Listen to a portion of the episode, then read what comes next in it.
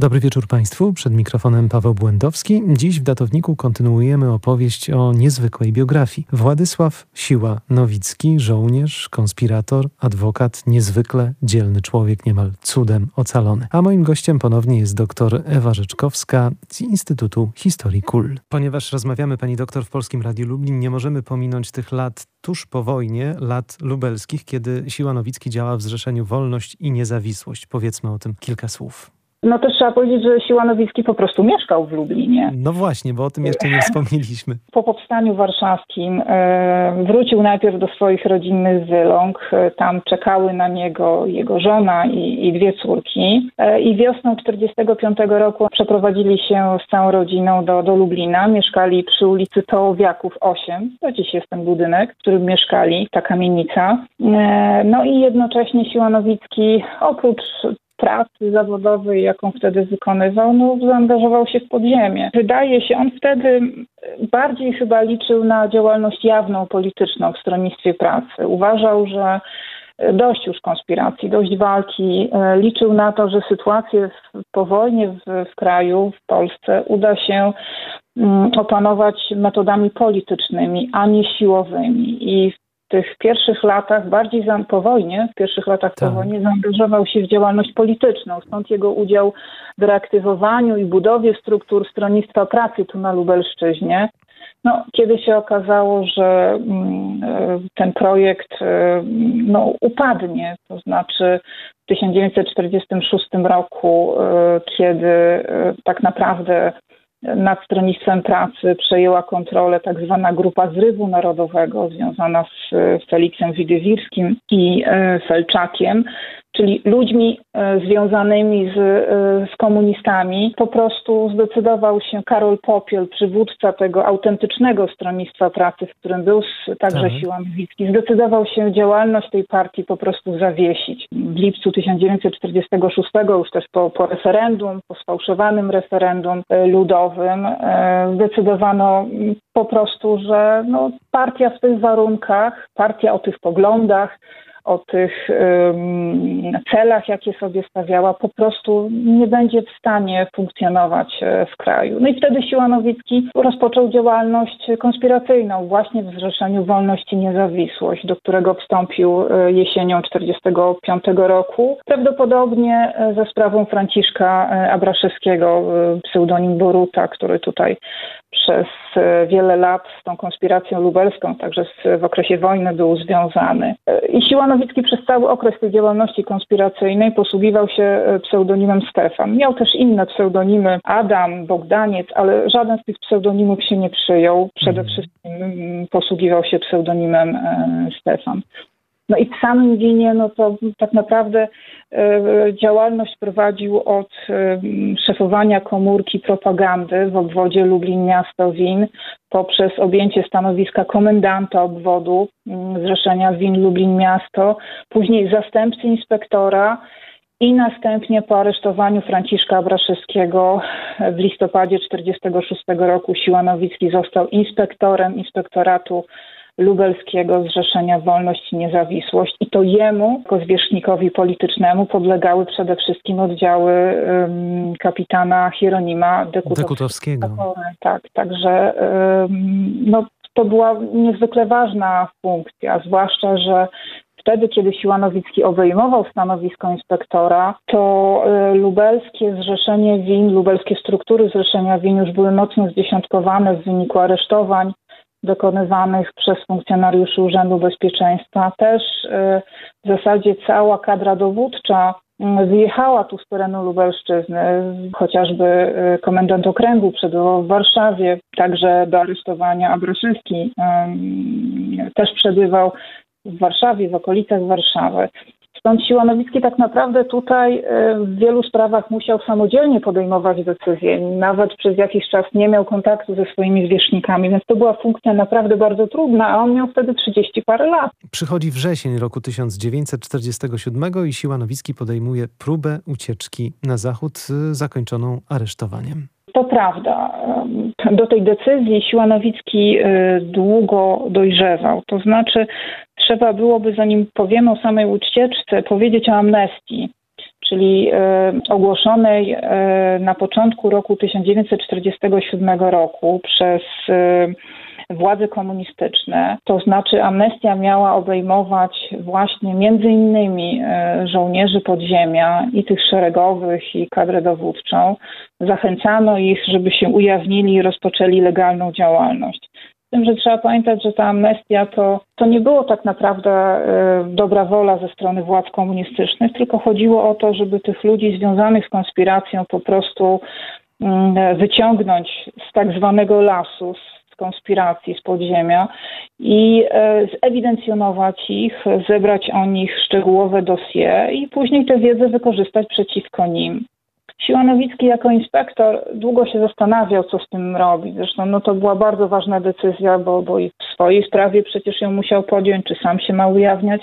Tak. No i także w kwestii jemu podległych ludzi, co było dla niego jeszcze trudniejsze, dlatego że zdawał sobie sprawę, że takim ludziom, chociażby jak Hieronim Dekutowski, e, Zapora, e, no władza komunistyczna nie daruje tak łatwo tego, co w ciągu tych e, kilku poprzednich lat robił.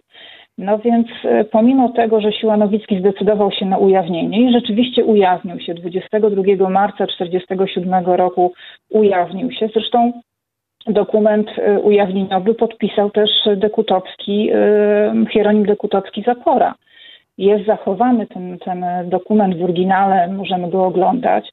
On został przez y, Dekutowskiego podpisany, lecz władze komunistyczne uznały, że to jego ujawnienie nie było szczere. Zresztą chyba do końca też nie chciał tego uczynić Dekutowski, dlatego że dla niego to byłaby też w pewien sposób kapitulacja wtedy właśnie, wiosną 1947 roku, e, zaczęto zastanawiać się nad e, możliwością wyjazdu z kraju. To znaczy wiedziano, że e, tutaj dla właśnie takich ludzi jak Hieronim Dekutowski, kilku jego podkomendnych po prostu nie ma miejsca. Siła Nowicki za tych ludzi czuł się odpowiedzialny, dlatego uważał, że jeśli oni będą uciekać, to on musi z nimi także wyjechać, e, musi ich bezpiecznie wyprowadzić e, z kraju, żeby oni mogli e, dotrzeć za granicę i tam rozpocząć nowe życie. Przygotowania trwały całe lato w zasadzie 1947 roku z propozycją legalnego w cudzysłów wyjazdu na zachód wyszedł wobec Siłanowickiego Franciszek Abraszewski, który w czerwcu tego roku opuścił więzienie, więzienie. Urzędu Bezpieczeństwa. To jest pytanie, na które trudno mi odpowiedzieć i wielu się zastanawia, dlaczego Siłanowicki wówczas, mając tak długie doświadczenie konspiracyjne, taką uwierzył. wiedzę na temat, mhm. uwierzył w Franciszkowi Abraszewskiemu, który przecież w więzieniu UB przebywał ponad pół roku. Przecież w tym czasie stracił tak naprawdę kontakty. No poza tym przecież należało e, też brać pod uwagę taką możliwość, że za cenę wolności przecież mógł podjąć współpracę z funkcjonariuszami Urzędu Bezpieczeństwa. Mimo tego, e, bo nie wierzę, żeby Siłanowicki, także Dekutowski nie brali tego pod uwagę, ale mimo tego zdecydowali się mu zaufać. Mhm. Być może, być może tutaj jego argumentem takim koronnym był fakt, że Abraszewski był wcześniej inspektorem i rzeczywiście miał piękną kartę, e, taką um, konspiracyjną, piękną kartę wojenną. No w zasadzie tam trudno było mu cokolwiek zarzucić. I być może to powodowało, że oni jemu zaufali i że zdecydowali się przyjąć tę ofertę. Abraszewski dobył dla nich fałszywe dokumenty, to znaczy e, dla tych zaporczyków, którzy się nie ujawnili oczywiście, bo Siła Nowicki wyjeżdżał na swoich dokumentach. Był człowiekiem tak naprawdę wolnym. No i rzeczywiście we wrześniu 1947 e, roku Siła Nowicki wraz z Dekutowskim i pustką e, właśnie podkomendnych e, Dekutowskiego zdecydowali się na wyjazd z kraju. Ja w swojej książce próbuję odtworzyć przebieg tego, co się właśnie wydarzyło w dniach 15-16 września 1947 roku. Wiemy na pewno, że cała ósemka wyjechała z Warszawy i że kierowała się do Nysy. I Prawdopodobnie wszyscy do tej Nysy dotarli, ale chyba nie wszyscy zostali w Nysie aresztowani. Wiemy, że nie jechali razem, tylko jechali dwójkami. I później prawdopodobnie też e, tak zostali przez funkcjonariuszy UB e, zatrzymani. Na pewno Siła Nowicki nie został zatrzymany w Nesie, tylko prawdopodobnie w miejscowości Grodków pod Nesą. Też, kiedy ich wszystkich aresztowano, nie zostali od razu przywiezieni chociażby do Warszawy, chociaż cały proces ich no, też śledzenia tej, tej podróży i później aresztowania kontrolował, kontrolowali funkcjonariusze Ministerstwa Bezpieczeństwa Publicznego. Więc zamiast przywieźć ich wszystkich do Warszawy, wywieziono ich do, do oddalonego prawie 150 kilometrów na południe Będzina i tam przez e, ponad dwa miesiące przebywali w areszcie Powiatowego Urzędu Bezpieczeństwa Publicznego. Pytanie dlaczego? Być może chodziło o to, żeby informacje o tym, że cała ósemka została aresztowana, tak szybko nie dotarła tu na Lubelszczyznę żeby może kolejnych, którzy chcieliby drogą Dekutowskiego i Siłanowickiego uciekać za granicę, żeby można było też w taką pułapkę ich zwabić. E, zwabić, bo tak naprawdę ten wyjazd Siłanowickiego i Dekutowskiego oraz sześciu jego oficerów był no, operacją grą przygotowaną przez funkcjonariuszy Ministerstwa Bezpieczeństwa Publicznego, której celem miało być ich e, zatrzymanie i aresztowanie, a później planowano także, e, żeby e, ten sam manewr, tę, tę samą operację przeprowadzić do E, grupy jeszcze kilkunastu ewentualnych chętnych do, do ucieczki za granicę podkomendnych zapory. Dopiero późną jesienią przewieziono ich do aresztu Ministerstwa Bezpieczeństwa Publicznego w Warszawie na Koszykową. To był taki areszt wewnętrzny. Oni przez kolejnych kilkanaście miesięcy byli tam w tym areszcie. Przez ten cały czas ani nie pozwolono im wyjść na zewnątrz, to znaczy w tym sensie, że nie, nie mogli odbywać spacerów. E, przebywali w piwnicach tego aresztu. Mm, śledztwo wobec nich nie prowadzono jakoś e, bardzo intensywnie, dlatego że sprawa była no, oczywista. Bardziej chyba tu chodziło, żeby przedłużać ten ich pobyt, żeby doprowadzić do złamania, być może do, do wykorzystania tych aresztowanych w jakichś innych e, celach. Jesteśmy w fazie takiej bardziej hipotez niż e, konkretnej wiedzy. No, na pewno jest zastanawiające, że to śledztwo pomimo że nie było intensywne, trwało tak długo, czyli od aresztowania we wrześniu 1947 roku aż do listopada 1948, kiedy zapadły wyroki śmierci. Zapadły, zapadły wyroki śmierci dla wszystkich. Ośmiu e, zapadły wyroki śmierci. Siedmiokrotny wyrok śmierci dla Zapory, czterokrotny dla Siłanowickiego. Czy to prawda, mhm. pani doktor, że takich poniżano, że nawet ubrano ich w mundury Wehrmachtu w trakcie tego procesu? Tak, tak, tak. E, rzeczywiście na, na proces wieziono ich na otwartych platformach e, samochodów po czterech, mhm. ubranych właśnie w mundury Wehrmachtu, żeby pokazać, że wieziemy tutaj klerowców, zdrajców, bandytów. Tak? Coś e, absolutnie tak. obrzydliwego. Wspomniała pani wcześniej o tym cudownym ocaleniu. No jak do niego doszło? Oczywiście tutaj amnestia odegrała pewną rolę, ale to niemal cud, że Siła Nowicki się na to wszystko, mówiąc kolokwialnie, załapał. No on nie wierzył, że przeżyje. To znaczy oni kiedy kiedy 15 listopada 1948 roku usłyszeli te wyroki śmierci i kiedy po raz pierwszy w więzieniu już na Mokotowie mogli się całą ósemką spotkać, no to oni wiedzieli, że mają przed sobą mniej więcej trzy miesiące życia, bo tyle trwał cały, cały proces tam ewentualnych mm, apelacji, e, wniosków o ułaskawienie do, mhm. do Bieruta, więc mniej więcej trzy miesiące e, liczyli, że jeszcze, jeszcze będą żyć. Żaden z nich, a przynajmniej Siła Nowicki nie spodziewał się, że że może zostać ułaskawiony. Mm, e, wobec wszystkich złożono mm, odwołania do sądu wojsko, Najwyższego Sądu Wojskowego. Później także wobec każdego z nich wnoszono prośby do Bieruta właśnie o, o łaskę. I tylko w przypadku Siłanowickiego ten wniosek o łaskę został rozpatrzony pozytywnie. E, dlaczego tak się stało? Warto o tym wspomnieć, tak. Warto o tym wspomnieć, bo, bo to też jest taki ciekawy e, wątek. Bardzo zaskakujący. I bardzo zaskakujący. Stało się to e, dzięki zabiegom ciotki, a tak naprawdę to też nie była ciotka, to była e, daleka, mm, e, powinowata Władysława Siłanowickiego, Aldona Kojałowiczowa. Z tym, że to nazwisko nam niewiele mówi. Niewiele nam mówi także jej nazwisko pierwszym mężu Bułhak, ale dużo nam mówi jej nazwisko rodowe, Dzierżyńska. Aldona Dzierżyńska. Aldona Dzierżyńska była rodzoną siostrą Feliksa Dzierżyńskiego. Chyba tego pana przedstawiać nikomu nie trzeba. E, Aldona była najstarszą siostrą Feliksa Dzierżyńskiego. E, ona uczyła tegoż e, Feliksa czytać i pisać. I ona właśnie interweniowała w sprawie Władysława Siłanowickiego u ambasadora sowieckiego Wiktora Lebiediewa. No jesteśmy prawie pewni, że życie wtedy Siłanowickiemu uratował plik listów, które Aldona przekazała Lebiediewowi. To były listy, które y, pisał do niej jej brat Felix Dzierżyński czasie, kiedy był y, w carskim więzieniu bądź na zsyłce. Korespondował ze swoją siostrą, którą uwielbiał. Y, to była jego ukochana siostra. W tych listach pisał do niej właśnie o domu rodzinnym, o wspomnieniach ich właśnie majątku w Dzierżynowie, bo dzierżyńscy to była bardzo patriotyczna polska rodzina.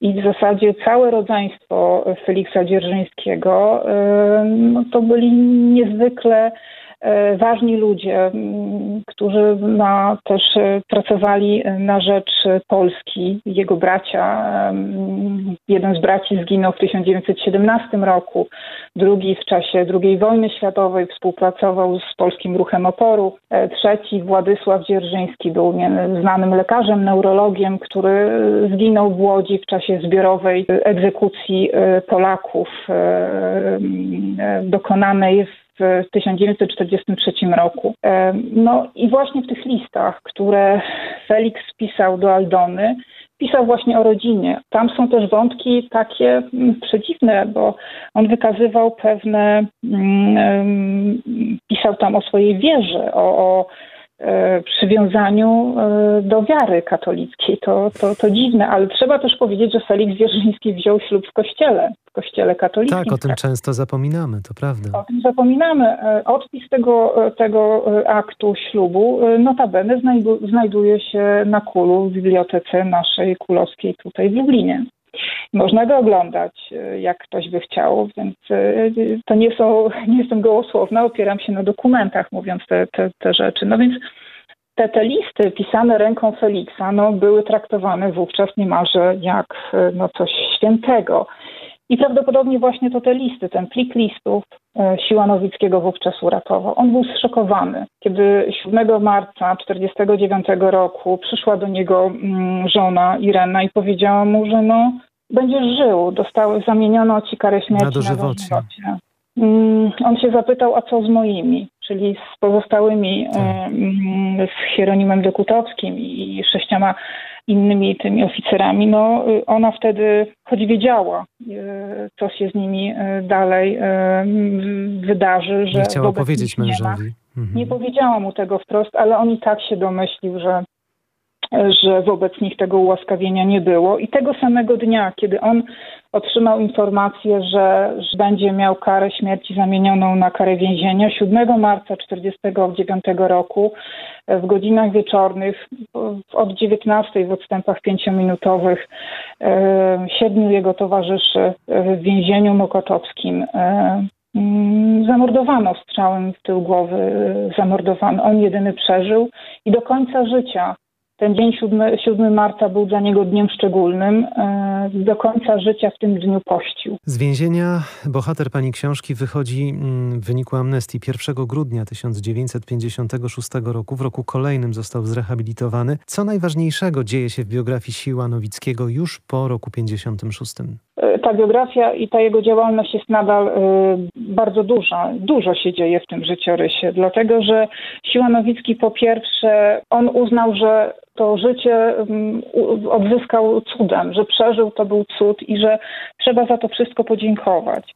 I w 1959 roku Siła Nowicki rozpoczyna praktykę adwokacką, bronił księży prześladowanych przez y, komunistów, ale przede wszystkim pomagał y, wielu y, swoim współwięźniom, żołnierzom AK WIN, którzy nie mieli tyle szczęścia co on i w 1956 roku e, nie wyszli jeszcze na wolność. No więc Siła Nowicki zabiegał o ich uwolnienie, o ich rehabilitację. Między innymi przyczynił się do wypuszczenia z więzienia Adama Boryczki, e, dowódcy 6 Wileńskiej Brygady AK. Ostatnie pytanie, pani doktor. Kiedy pani książkę na półkach księgarskich? E, no mam nadzieję, że już za miesiąc będzie, że już w wakacje będzie, będzie ją można dostać. No, jest gotowa, napisana, złożona, także tylko czeka na druk. Mam nadzieję, że to już niedługo nastąpi. No, jestem też czekam na nią, a chyba najbardziej czeka na nią pani Irena Siłanowicka, e, e, która ma 108 lat. No tak. Jeszcze chciałaby tę książkę mm, zobaczyć. Trzymamy za to bardzo mocno kciuki. Pięknie pani dziękuję za tę bardzo ciekawą rozmowę. Doktor Ewa Rzeczkowska, historyk z Instytutu Historii KUL, była gościem datownika. Dziękuję bardzo. Do widzenia.